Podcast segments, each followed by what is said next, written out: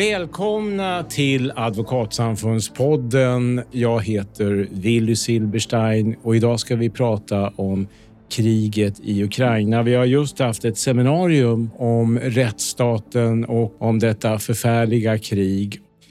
Jag välkomnar Ukrainas ambassadör i Stockholm, Andriy Blasjotniuk. We will have an interview in English. Thank you so much. Jag välkomnar Mark Klamberg som är professor i folkrätt och självklart också Mia Edvall Insulander, Advokatsamfundets eh, generalsekreterare. Alla tre är lika välkomna, men jag börjar ändå med att vända mig till Andri. So, today is March 21st, 2023. What is the situation on the ground in Ukraine today? The situation is very tough on the ground, be it the battlefield, the hotspots at the, near the front line, or be it uh, our peaceful cities and towns, residential areas that face constant threats of new massive missile attacks. And uh, it's the situation that we have right now. But at the same time, our people are united as never before. They're strong as never before. And definitely they want to bring peace to our country by achieving victory in this war. But at the same time, we do get some reports that lately Russian troops have been more successful, or maybe that's just the impression I get. What is your impression? I wouldn't say that they have been so successful uh, during the last couple of months. Uh, one thing is clear that they haven't achieved any of strategic goals that were put forward by Putin uh, when he declared this so-called special military operation. At the same time, what we see now, they try to use every possible resource to achieve at least something on the ground. Russia has always been very active in sticking to dates, to commemorative dates. So they've never cared about ordinary people, ordinary soldiers, but they have in their minds only the dates when something should be achieved. So they press very hard, not counting the casualties. And at some point, they have man- made, uh, well, I would say minor advancement in Donbass area. But on the whole, the front line is defended and it hasn't changed strategically. Uh, we just had this seminar, and just before we started recording, Andri, you said that this a seminar like this is so important for you. Why? It's absolutely important uh, in view of uh, several things. One thing is um, to keep the high level of awareness among all our friends, legal experts in various countries, uh, which support Ukraine because as it was mentioned during the seminar, now we have opened criminal investigations in more than 75,000 criminal cases. It means it's tremendous piece of work. And definitely it will be very, very hard for us. And it will take years if we do it by using only our resources. In this sense, we rely heavily on international legal support and legal aid from all partners. And in this regard, it's worthwhile mentioning that Sweden has been doing so many things to support Ukraine at this legal front by supporting the Office of International uh, Criminal Court, by supporting it technically and financially, by opening its domestic investigation. So Sweden, like many other partners, they're doing their best to help Ukraine to investigate because time really matters we know that the war crimes is it's they they, are, they usually are very hard cases to proceed with because we are talking about the collection of evidence. We're talking about uh, the, the suspects and the people who will be prosecuted and taking into consideration that russians use every possible way to erase any kind of evidence this work really matters a lot. And would you say rule of law is there also during these atrocities in Ukraine? On our side, when it comes to Ukraine armed forces and or in a broader sense defense forces of Ukraine, uh, we have been very, very strong in our position, and it started not a year ago, but it started nine years ago with illegal attempted annexation of Crimea, which we never recognize and we will never recognize. We try to stick to our international obligations when it comes to uh, international humanitarian law, when it comes to access of international humanitarian organizations to Russian prisoners of war, which are uh, held at our detention centers. So we are trying to do our best to stick to our international commitments. Uh, and uh, in the long run, we are a European state, democratic state, and a free state. So the rights of the prisoners of war are respected. And can you guarantee that legal actions against Russian soldiers suspected of war crimes in Ukraine now will get a fair trial and so on? Yes, absolutely. I have 200%. I'm, I'm confident of that because it's once again about our core values on the one side and it's about our international credibility. That's the things that are very important. So if we cannot provide the Russian war criminals with fair trial, where we cannot be talking about democratic reforms and a democratic state in Ukraine. Yes, absolutely. It's so hard for our lawyers to protect Russians in view of atrocities and in view of pain that their families might feel and might face during this war. But at the same time, when it comes to fair trial, the state and the court authorities will do their best, exert every effort to provide free trial for Russian war criminals.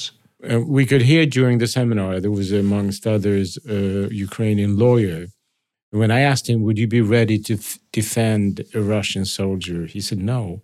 Is there a risk that most lawyers and I can understand that, of course, but that there won't be enough lawyers to defend Russians. We are talking now, uh, I think, about uh, two major things. One thing, it's private law firms which are operating in Ukraine, be it uh, national or international. Another issue is public defenders, which are asked to protect. And as we have heard both uh, during this seminar, one of our legal experts who is now not practicing his uh, his uh, his lawyer activities, he told us that he would be able.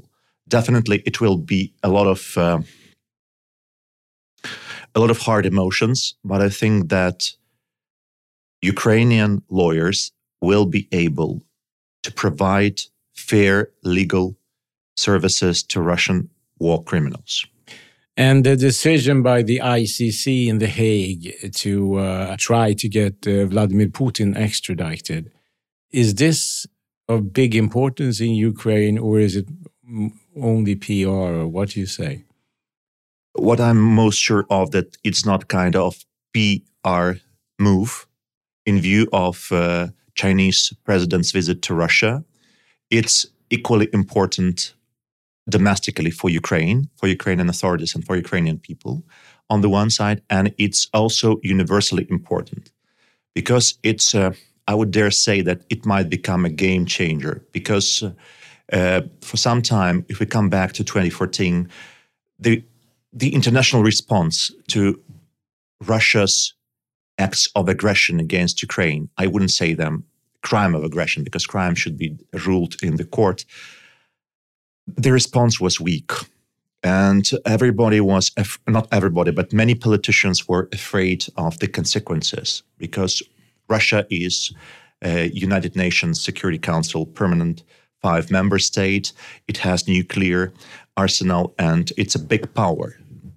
But at the same time, it's a very important step because it sends a very strong message, not only to the Russian leadership, but to subordinates, but, but to his inner circle, that legal justice, the international justice, will be served. And it will definitely, you will definitely face it. Not probably tomorrow, not the day after tomorrow, but in, in several years, you will be subject to criminal proceedings in the International Criminal Court. It's very important. And the, on the other side, we support the decision, but at the same time, we think that the crime of aggression should be addressed in a broader sense at a special tribunal, which we are working now on with our international partners. And how important is this among the Ukrainian people in Ukraine today? Does it boost morale?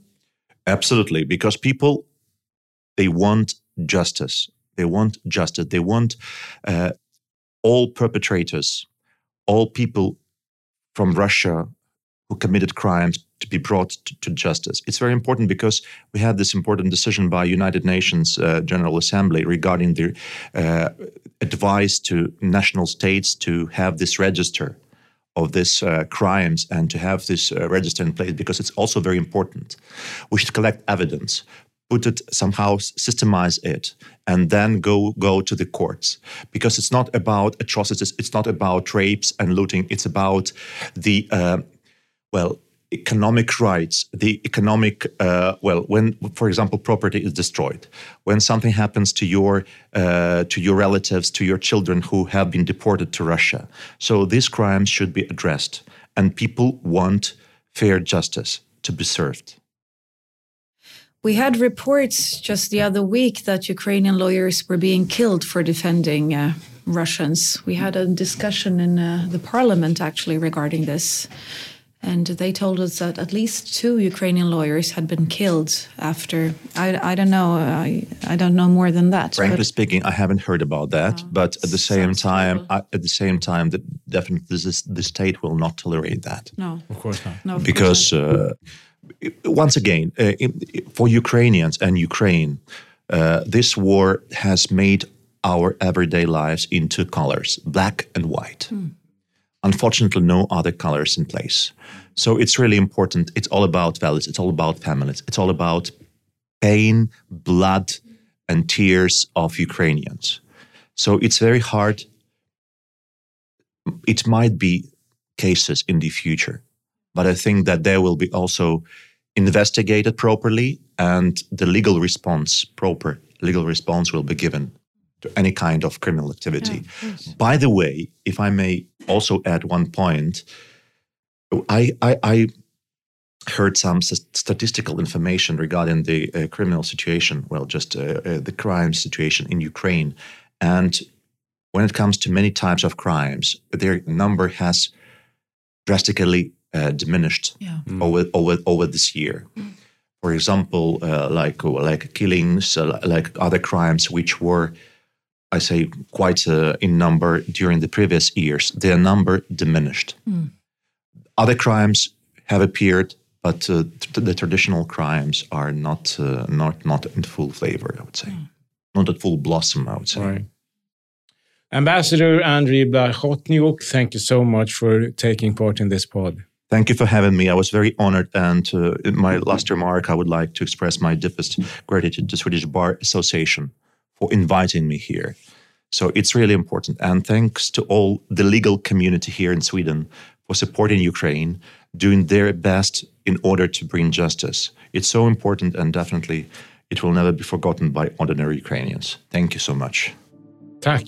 Tack. Thank you very much.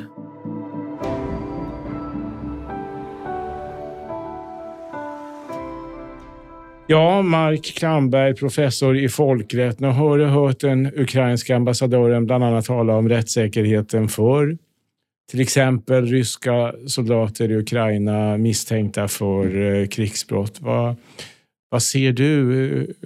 Litar du på att det är rättssäkerhet i Ukraina? Jag följde ju eh, den första rättegången delvis. Eh, ja, de visade video och sånt och läste också vad försvarsadvokaterna eh, gjorde i den rättegången. Så min uppfattning var att de eh, gjorde vad de kunde för att hävda sina klienters intresse. Eh, så utifrån den begränsade bilden jag har så, så är min bild att man försöker att upprätthålla en rättvisa rättegångar. Mia, du är ju advokat och inte bara generalsekreterare. Det här sätter ändå ljuset på ett dilemma som är lite utöver det här att alla har rätt till eh, försvar och så vidare. Att, för, att om man tänker sig en ukrainsk advokat, det måste ju vara otroligt svårt att göra ett bra jobb och försvara en rysk soldat misstänkt för krigsbrott. Ja, det är på något sätt som rättssäkerheten och advokatetiken i sin absoluta kärna. För Det är klart att det har man ju respekt för att det måste vara väldigt svårt. Och man ska ju tänka som advokat så har man ju rätt att tacka nej till uppdrag i och för sig. Det, alltså det, det gör ju advokater ibland därför att man känner att det här är inte ett, ett ärende jag vill arbeta med. Så man kan ju tacka nej och inte ta sig an ett uppdrag. Men man ska ju komma ihåg att liksom grundregeln är ju verkligen att alla har rätt till ett försvar. Annars så får vi inte en rättvis rättegång. Det måste finnas en balans i processen. Och då behövs det några advokater som, som fullgör den uppgiften. För det kan ju inte vara enkelt i Ukraina. Alltså vi är ju, advokater är självklart också människor. Ja. Och ja, det måste ju vara ett otroligt dilemma. Ja, det måste vara ett otroligt dilemma. Sen har jag förstått på vissa rapporter vi har fått också att vissa av de advokaterna som gör det utsätts för hot och hat. Eh, och vi har fått vissa rapporter om att någon till och med har dödats på grund av att de har utfört sitt uppdrag som man ska göra som advokat enligt eh, rättssäkra, rättssäkerheten. Så att det är ju otroligt anmärkningsvärt och det, det är begripligt att det är svårt men det är ju viktigt i sådana här situationer att också upprätthålla the rule of law. Mm. Och Mark, eh, generellt av det du har sett i Ukraina, tycker du att folkrätten eh, respekteras? Alltså det är ju uppenbart att eh, folkrätten inte respekteras på så sätt att vi ser ju eh, enormt stora mängder allvarliga brott. Ja, men absolut. Och det var inte alls det jag menade. Men när man ser den ukrainska staten som ska försöka mitt i detta helvete att upprätthålla så mycket av rättsstatens principer som möjligt. Funkar det, tycker du? Man skulle ju behöva studera närmare, men, men eh, den bilden jag har så, så är svaret ja. Um, jag, jag, ser det som Ukraina, de använder ju folkrätten som ett eh, verktyg för att finna stöd i omvärlden. Så, så mitt intryck, förutom att eh, de verkar hysa liksom en genuin eh, omsorg om, om, om det här systemet, är att det, det är också ett viktigt verktyg för dem att erhålla och kunna behålla stöd från omvärlden. Att de uppfattas och i verkligheten också respekterar de reglerna som finns. Och vilka är de viktigaste folkrättsliga principerna som testas, skulle du säga, i Ukraina idag? Ja, alltså om, om du tänker på när det gäller då från den ukrainska staten så, så är det ju viktigt eh, som jag ser det, framförallt alltså det här med en rättvis rättegång. Att vi har talat om det här rätten till ombud. Men e- en annan eh, viktig fråga som jag ser det är behandling av krigsfångar, att de behandlas på ett anständigt sätt. Och eh, där finns det ju rapporter om att eh, överträdelser från båda sidor, men jag, men jag mitt intryck är att de här överträdelserna har mer systematisk karaktär från den ryska sidan. Eh, Medan från den ukrainska sidan så föreställer jag mig att det är personer som ja, i stridens hetta eller eh, okunskap, dålig utbildning som soldater begår övergrepp. Men då är det viktigt att man eh, sanktionerar det, att man beivrar den typen av överträdelser. Och om vi backar allting här. Alltså om en stat struntar i alla internationella principer och bara brutalt angriper så som Ryssland gjort mot Ukraina. Det visar ju att världsordningen är ju fin på pappret, men det är ju, om den väl bryts emot så kan omvärlden inte göra särskilt mycket. Men där, där vill jag ändå eh, säga emot. Alltså omvärlden gör ju en hel del. Framförallt så gör ju Ukraina, de hävdar jo. ju sitt territorium och sin rätt. Men man skulle vilja att någon, ju... någon slags världsordning, att det fanns eh, en annan nivå eh, på något eh, teoretiskt plan. Nej, alltså, idealiska fallet så hade FN och FNs säkerhetsråd då tagit beslut om att man på ett mer robust sätt eh, skulle hjälpa Ukraina. Men det är ju inte så att omvärlden står helt passiv utan eh, omvärlden hjälper ju Ukraina ekonomiskt, politiskt, moraliskt och med militärt stöd. Eh, så folkrätten på gott och ont bygger ju i det här fallet på självhjälp, alltså att man antingen måste liksom hävda sin egen rätt eller få hjälp av någon annan. Och Ukraina hävdar ju sin rätt och får hjälp. Man hade kunnat önska att eh, världssamfundet FN hade varit starkare, men eh, det är mycket som står på spel. Alltså, omvärlden är ju rädd för att om man skulle engagera sig än mer så skulle man hamna i en direkt konflikt med Ryssland. Det vill man ju inte.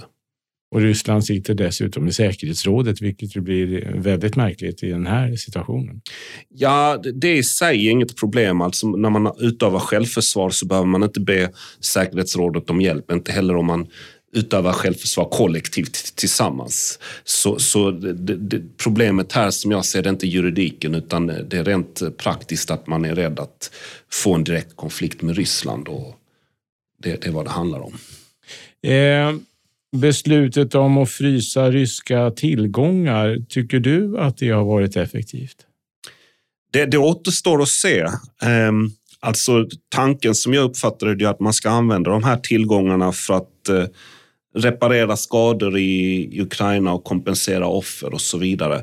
Och eh, än så länge så ser vi då att tillgångar är frysta, men sen uppstår en fråga om man kan använda de tillgångarna. Då är det åtminstone två frågor som är viktiga att hålla reda på. Den ena är att en del av eh, den här ryska egendomen kan vara skyddad av immunitet, så kallad statsimmunitet.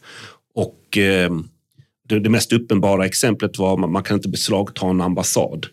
Eh, men man kan tänka sig att en stat har andra tillgångar i form av eh, mer kommersiella fastigheter, industrier. Och det finns ett rättsfall här i Sverige faktiskt som rörde den eh, Kazakstans centralbank och man kunde använda deras tillgångar för att då betala en fordran och då sa Högsta domstolen i Sverige att det kan man.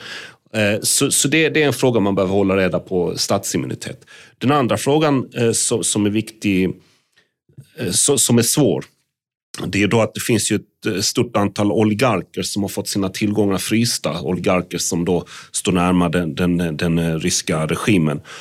Och, och, då är frågan, kan man använda deras tillgångar? Och, I USA så verkar man gå väldigt hårt fram men jag tror kan vara lite svårare här, här i Europa. För det här är ju ändå privatpersoner och, och det är inte helt uppenbart att man kan använda privatpersoners tillgångar, ryska privatpersoners tillgångar för att betala den ryska statens skulder.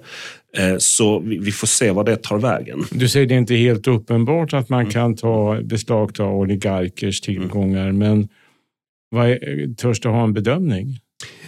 Alltså, eh, jag, jag, jag vågar inte på en, en definitiv slutsats, men jag föreställer mig att det är en sak som kan påverka det är hur nära man står den ryska staten och hur har man erhållit de här eh, tillgångarna? För, för jag föreställer mig att även om, om eh, vi nu i den här konflikten har, har en viss uppfattning så, så det är ju, en del av de här kan ju ha förvärvat pengarna på ett sätt som är mer fristående från den ryska staten och det är inte uppenbart att man ska använda deras pengar eller för, förverka de pengarna för, för att betala ryska statens skulder. Men i USA, där har man jag följer inte det här så väl, ska jag säga. Men Nej, frågar dig som min, gör det. Som jag uppfattar det så, så den eh, amerikanska lagstiftningen är mer tillåtande. Men jag, jag, tror att det här kan bli problem i Europa. Så man måste gå något försiktigt fram här menar jag. Tror du att det här, eh, om mm. man i Europa också skulle gå tuffare fram, tror du att det skulle betyda mycket för moralen i Ukraina?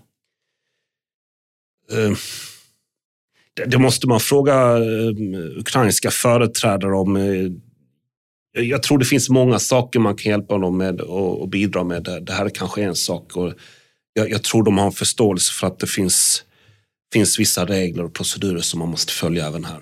Mm. Eh, nyligen tog internationella brottmålsdomstolen ICC beslut om att man ska försöka få Vladimir Putin utlämnad till Haag. I mina öron låter det rätt orealistiskt att det skulle ske. Vad säger du? Eh, I närtid så tror jag, håller jag med dig att det är orealistiskt. Men eh, jag, jag ser den här arresteringsordern, det rörde ju då om eh, bortrövande av ukrainska barn till, till Ryssland där de adopteras bort till ryska familjer. Så en, en del av det hela det är ju, när det gäller brottmål, det är ju att sätta en person bakom galler. Någon form av retribution, att man, man brottslig handling ska mötas av en konsekvens. Men, men eh, den här typen av process kan även ha andra funktioner. Att eh, skapa en slags pedagogisk funktion, att förklara vad som är rätt och fel. Och, eh, så jag menar att eh, de ryska familjerna som är inblandade i det här eller kan komma bli inblandade i det här måste ju ställa sig frågan, eh, är vi inblandade? Bidrar vi till att krigsförbrytelser begås? Eh, så på det sättet så kan det också ha någon form av pedagogisk eller preventiv effekt. Och när, eh, när man kungjorde den här arresteringsordern från, från internationella brottmålsdomstolen så talar man just i termer av awareness of prevention. Så, så det, det var, det, i varje fall från domstolens sida så verkar det vara en del av budskapet. Att det är någon slags eh, viktig signal? Ja, signal. Eh, och eh, så, så, det handlar inte bara om de här två personerna som arresteringsorden utsätts för. för. För man kan ju föreställa sig en framtid att de här personerna reser, låt oss säga till Sverige. Och vi har utredningar här och jag föreställer mig att brottsoffren familjerna håller utkik efter, efter det här. Och så man, jag ser framför mig att man kan ha nationella utredningar om det här med de här personerna som på lägre nivå har varit inblandade, inklusive de ryska familjerna. Men effekten blir väl bara, eller bara vet jag inte, mm. men att Putin håller sig hemma i Moskva? Ja, men med, det, det vore också en del vunnet med det. Eh, eh, att, att han får någon form av reseförbud. Det, det är också en, en eh, väldigt konkret konsekvens. USA erkänner ju faktiskt inte ICC. Är det en svaghet nu när ICC har eh, sagt det man gjort mot eh, angående Vladimir Putin? Eh, rent rättsligt är det inget problem, men jag ser det som ett praktiskt problem på så sätt att eh, USA har ju väldigt stora resurser och jag uppfattar att eh, ja, genom sina underrättelseförmågor har de ju samlat in stor mängd information om Ryssland. Det kan handla om satelliter, spionflygplan och så vidare. Och den här informationen kan eh, användas som bevisning och då har det uppstått fråga om USA ska lämna över det till ICC och då har USA än så länge sagt nej i och med att man ifrågasätter om domstolen ska syssla med det man gör. Och det, det gör ju USA för att de är själva rädda för att de någon gång i framtiden ska bli föremål för utredningar. Men, så det är olyckligt rent, rent praktiskt. Och är det en allvarlig försvagning då menar du av det här beslutet från ICC, just att USA ändå inte backar upp på det sätt som väl många skulle vilja? Nej, alltså jag, jag, jag, ser inte att det försvagar just arresteringsbeslutet det gäller och staterna som är anslutna till ICC har, har en skyldighet att verkställa det. Men i, i, nästa led när man liksom ska utreda brotten och bevisa dem så kan det bli ett problem. I övrigt, eh, nu har ju på, kriget pågått i eh, ett drygt år. Och man har ändå kunnat se en hel del av folkrätt kontra brutalitet och hemskheter som alltid finns i ett krig. Är du besviken att folkrätten inte ger mer så att säga? Eller är det ungefär det man kan hoppas av eh, en sån här situation? Mer än så här kan inte folkrätten leverera. Alltså, eh, kanske får ursäkta ordvalet nu, men jag, jag har ganska länge haft en ganska cynisk syn på folkrätten. Eh, och den har vissa möjligheter men även begränsningar. Så eh, folkrätten kan spela en viss roll men eh, när det gäller den här typen av, av konflikter så eh, blir det också en fråga om ekonomisk, politisk och militär makt. Alltså man måste sätta kraft bakom reglerna. Och eh, jag, jag, menar att folkrätten har ju inte... Eh, FN har ju i någon bemärkelse misslyckats i och med att man har inte kunnat hantera det inom FN. Men, men folkrätten i en slags större bemärkelse har ju inte misslyckats i och med att Ukraina finns. Eh, Kiev står upp och eh, det finns ändå en realistisk chans att de ska kunna hävda sitt territorium och sin självständighet och på det sättet så, så fungerar det. Ja. Alltså min reflektion är att det är kanske lite mm, taskigt att skylla på folkrätten tänker jag, och på juridiken och de principerna, utan det handlar snarare om verkställande och, och att, att, att, det är där det brister. Och politik kanske som du är inne, inne på. Men folkrättens principer är ju fortfarande... Alltså folkrätten är väl inte alltid samma sak som verkställighet, tänker jag. Eller förstår du vad jag menar? Ja, till, till en viss del håller jag med dig. Men, men eh, för att man ska tala om ett rättssystem så ska det inte bara finnas i teorin och abstrakt utan det måste också verkställas. Så, så då spelar det roll om, om reglerna faktiskt upprätthålls eller inte. Och, och eh, därför tycker jag det är så viktigt att, att Sverige och omvärlden ger stöd till Ukraina för att upprätthålla de här principerna. Jag tror att många av oss utanför juridiken, ni i juridikbubblan, eh, vi utanför kanske har lite naiva förväntningar på folkrätten till exempel. ja, alltså, både och. Alltså, det, det är väl, det, jag är väl inte den första som säger att vi har en sån lite naiv inställning till folkrätten i Sverige och en slags FN-kramande. Och det är ju en del av det hela.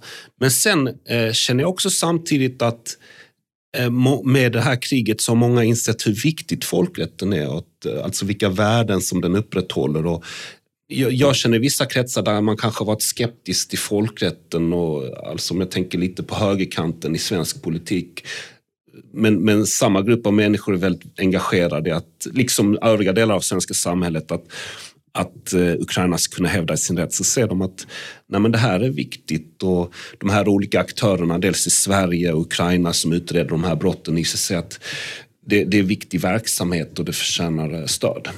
Så, så det, det, är två delar av det här. Alltså dels kanske det krossar en del illusioner om, om FN. Men samtidigt tror jag det är väldigt breda lager av det svenska samhället där man känner att de här principerna är viktiga och de ska vi upprätthålla. Mm. Mia? Jag måste säga att när jag förra veckan fick höra om ICCs arresteringsorder också i och för sig så blev jag otroligt stärkt och man, man, kände ändå att eh, det var väldigt eh, ja, en, en förtröstansfull ändå att det skedde nu och rörande barnen och så och att en president i ett europeiskt land, sittande land, blir, får en arresteringsorder emot sig från ICC. Det är ändå liksom en, en stor sak som är väldigt talande som visar på ett sätt, även om vi inte har nått ända fram med verkställande av folkrättens principer så är det en god väg, en god bit på väg, måste jag ändå säga att jag tycker. Till sist Mark, eh, professor i folkrätt. Vad drar en professor i folkrätt för lärdomar ur ett folkrättsperspektiv av det krig som nu pågår i Ukraina? Det är en bra fråga och eh, den behöver lite eftertanke. Jag tror eh, det, är väldigt viktigt att man tänker långt framåt. Eh, idag så är det den 21 mars. Igår så var det 20 år sedan USA eh, med allierade angrepp Irak. Och eh, det fick stora konsekvenser för Irak och eh, regionen där. Och förutom att det skapade de här problemen så har det också, har det också gett ammunition till vad, vad, man skulle säga västvärldens eller demokratins fiender. Att ni har startat det här kriget, så vad har ni för rätt att klandra oss?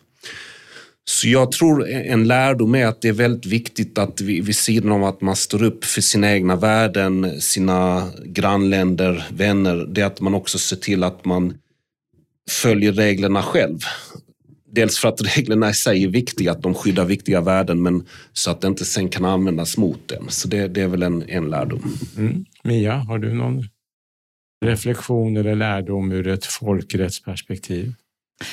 Nej, egentligen inget eh, annat än det Mark säger. Nu när du talar så blir jag påmind om att vi eh, inom advokatkåren införde en, en regel i våra vägledande regler om advokaternas skyldighet att följa mänskliga fri och rättigheter eh, i våra vägledande regler.